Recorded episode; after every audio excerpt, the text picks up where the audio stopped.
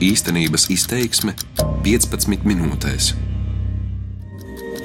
Visā pasaulē ar katru gadu pieaug interese par atjaunojamās enerģijas izmantošanas iespējām. Naftas, ogļu, gāzes izmantošana rada siltumnīcas efektu veicinošus izmešus un līdz ar to klimata izmaiņas, un to krājumi arī nav bezgalīgi. Tāpēc pašreiz strauji mainās tehnoloģijas, un lai arī galvenais atjaunojamais energoresurss Eiropā joprojām ir biomasa, enerģija aizvien vairāk tiek iegūta arī no vēja un saules, kas ir neizsmeļams enerģijas avots. Tā ir ekoloģiski tīra, nerada papildus atkritumus un izmešus dabā.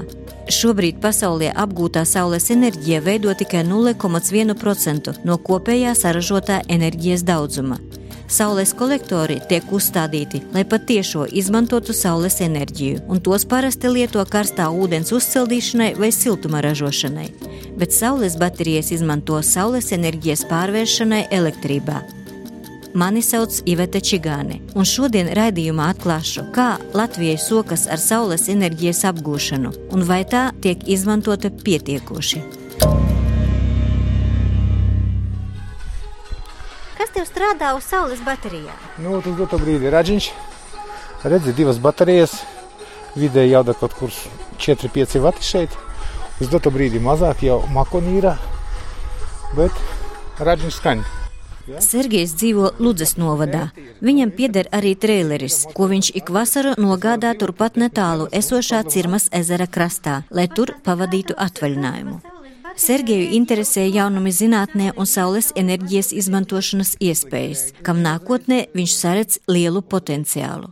Jau šobrīd Sergejs arī savā sadzīvē izmanto saules enerģiju. Ar saules baterijām viņš aprīkojas savu traileri un tās kalpo dažādu elektroierīču darbināšanai. Šeit jau otra baterija stāv augšā, tur ir 160 vati. Tā baterija šī, šitai mājai nodrošina visu iekšējo barošanu, apgaismojumu un dienas laikā arī leduskapī. Tas ir vidēji jaudā apmēram viņam ap 100 vatiem patērē viņš. Tas ir diezgan daudz. Priekš tā mazā leduskapja. Manā tas pieslēgts šī galā.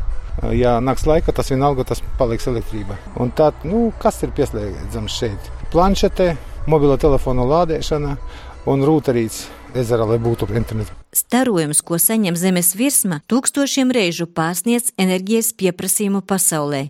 Tā piemēram, Rēzeknē vien atsevišķos objektos tiek izmantots atjaunojamais resurss saules enerģija. Rēzeknes pilsētas pašvaldības attīstības pārvaldes vadītājs Georgijs Orlovs skaidro, saules enerģija pagaidām tiek izmantota tādos objektos, kur elektrības pievienošana vai nu izmaksā nesamērīgi dārgi, vai nav iespējama vispār. Baterijām darbojas pilsētas zīmes, kas ir pie iebraukšanas pilsētā, lielās zīmes ar uzrakstu Rēzekne virkne. Viņam arī augšā uzlikta saules baterija ar attiecīgu akumulātoru, un, un pa dienu viņa tā kā uzkrāja elektroenerģiju, un, un tad vakaros un naktī dot iespēju zināmu laiku arī apgaismot šos objektus. Kā arī saules baterijas pilsētā tiešām izmantošanas ziņā nav ļoti liela pieredze, bet arī pilsētā ir tās afišas, kas stāv uz pilsētas ielām, viņām arī augšā ir saules baterija. Savukārt, realizējot energoefektivitātes programmu Siltinot ēkas, Rēzeknē vairākās pašvaldības iestādēs uzstādīti arī saules kolektori, kas silda ūdeni. Tie atrodas uz triju pilsētas pirmskolas iestāžu jumtiem, kā arī uz jaunas celtās Olimpiskā centra viesnīcas un Rezeknes Nacionālo biedrību kultūras nama jumta. Kā skaidro Georgijs Orlovs, pašvaldība atbalsta alternatīvās enerģijas ieguvi un izmantošanu. Tomēr nebūtu ne mazāk svarīgi ir arī tas, ka piesaistot Eiropas Savienības naudu energoefektivitātes darbiem izglītības iestādēs, lielāku finansējumu iespējams iegūt darbos iekļaujot arī saules enerģijas izmantošanu. Energoefektivitāte tā nav tikai ēkas eh, siltināšana, logu nomaiņa, jumta nomaiņa un siltināšana, bet arī alternatīvās enerģijas enerģijas avoti un arī atjaunojamo energoresursu izmantošana. Un viens no tādiem, mūsuprāt, veiksmīgiem objektiem un, un projektiem ir saistīts ar vakuuma saules kolektoru uzstādīšanu. Šādi projekti mūsu pilsētā ir jau realizēti, un kopā Rēzeknē darbojas pieci objekti, kas ir nosiltināti. Tās ir nosiltinātās ēkas, kuras ir aprīkotas papildus arī ar vakuuma saules kolektoriem tieši karstā ūdens sagatavošanai. Mūsu gadījumā tika izvēlēts tieši šīs modelis, jo tieši šie kolektori dod iespēju saņemt eh, karsto ūdeni Un faktiski uz to brīdi mēs ne, neizmantojam centrālā siltuma apgādes sistēmas pakalpojumu. Līdz ar to mēs samazinām arī izmaksas. Georgijs Orlovs pārliecināts, ka atjaunojamās enerģijas izmantošana agri vai vēlu kļūs par ikdienu, jo tā pati saules enerģija ir bezmaksas resurss. Ir tikai jāiemācās to efektīvi apgūt. Šo ceļu jāiet, un, un principā mēs arī mūsu turpmākos projektos, kas saistīti ar energoefektivitāti, labprāt paredzam arī šās jaunās tehnoloģijas, jo tas ir papildus, papildus iespēja ekonomēt pašvaldības līdzekļus, jo mēs ar to samazinām arī, arī siltuma rēķinus, un tas noteikti atmaksājas. Saules kolektori bija uzstādīti apmēram trīs gadu atpakaļ pēc pašvaldības projekta kopā ar ekas renovāciju arī bija uzstādīti saules kolektori. Izrādot bērnu dārza Māriņa, kas atrodas Rezeknes ziemeļu rajonā, pirms četriem gadiem uzstādītos saules kolektorus, uzņēmuma siltumteh servis tehniskais direktors Maksims Aitovs uzsver, ka Latvijā ar tās laika apstākļiem, kad saulē no dienu skaits ir salīdzinoši neliels, izdevīgāk ir nevis pāriet pilnībā uz karstā ūdens uzsildīšanu ar saules kolektoru palīdzību, bet pieslēgt kombinētu sistēmu. Šajā projektā bija izmantoti saules kolektori kuri paredzēti sagatavot karstu ūdeni. Apmēram jauda 10 kW, platība apmēram 15 km2. Protams, ka mūsu teritorijā saule nespēj katra diena, un tāpēc šeit izmantoti arī standarta risinājums saņemt siltumenerģiju karsta ūdens sagatavošanai no Rezeknes siltumtīkli. Lai arī atjaunojamās enerģijas izmantošanai tiek pievērsta aizvien lielāka uzmanība, pat labam Latvijā saules bateriju izmantošana ir ļoti zema. Lietuvā un Igaunijā cilvēku aktivitāte šajā jomā ir augstāka. Arī Maksims Aitovs atklāja, Latgalē cilvēku, kuri interesētos par saules enerģijas izmantošanas iespējām, nav daudz. Pirms pāris mēnešiem Maksims arī savā privātmājā ir uzstādījis saules baterijas, kas pārvērš saules enerģiju elektrībā, un tagad ar savas mobilās ierīces starpniecību var vērot, cik saules enerģijas māja saņem un cik patērē. 8 kW tagad ražo saules baterijas, bet mājā patērē tikai 0,5-0,4 kW. Un visas pārējās aiziet uz elektrotīklu, un pēc tam, kad nebūs jau saule, es varu paņemt šo enerģiju no tīkla, no Latvijas energo. Maksims atklāja, jau tagad izjūt, ka tā saucamās dārgās elektroenerģijas tiek patērēts mazāk, Tajā pašā laikā viņš arī uzsver, viena konkrēta sistēma neder pilnīgi visām ēkām, tāpēc jāizvēlas risinājums, kas visvairāk atbilst ģimenes nepieciešamās enerģijas daudzumam. Nemazāk būtiski atcerēties, saules enerģijas izmantošana ir ilgstoši atgūstama investīcija, kas padara to mazāk iekārojumu. Nu, vajag saprast, ka šādi risinājumi vai šādi ieguldījumi viņi atmaksās apmēram desmit un vairāk gadus. Nevajag reķināt, ka piecu vai trīs gadu laikā jūs saņemsiet atpakaļ ieguldītu naudu. Ar Eiropas Savienības līdzfinansējumu saules kolektori, kas silda ūdeni, ir uzstādīti arī kādā daudzdzīvokļu mājā Rēzeknē. Trīsstāvu ēkā veikta vērienīga rekonstrukcija. Nams ne tikai nosiltināts, tajā uzstādīts gan siltuma sūknis, gan arī saules kolektori. Tas ļāvis samazināt iedzīvotāju rēķinus arī par karsto ūdeni. Vai jums karstais ūdens ir palicis lētāks? Nu, ja salīdzināt ar pilsētu, ir tomēr. Uzņēmums pagrabā ir tās lielie tādi, kas uztur to siltumu, salasa cik vajag, ja pietrūks ar elektrību uzsilda klāt. Mājas iedzīvotāja Mirdza atklāja, pat ar atmaksājamo kredītu par mājas renovāciju, tagad rēķins par komunālajiem maksājumiem ir ievērojami mazāks. Šo cauruli un tad pataustīt šo cauri. Tā ir vēsa. Tas ir tas, kas atnāk no. Un tas, ir, tas ir tas, kas aiziet uz tvertnēm. Viņa ir pietiekuši jau diezgan karsta. Silta, jā. Jā.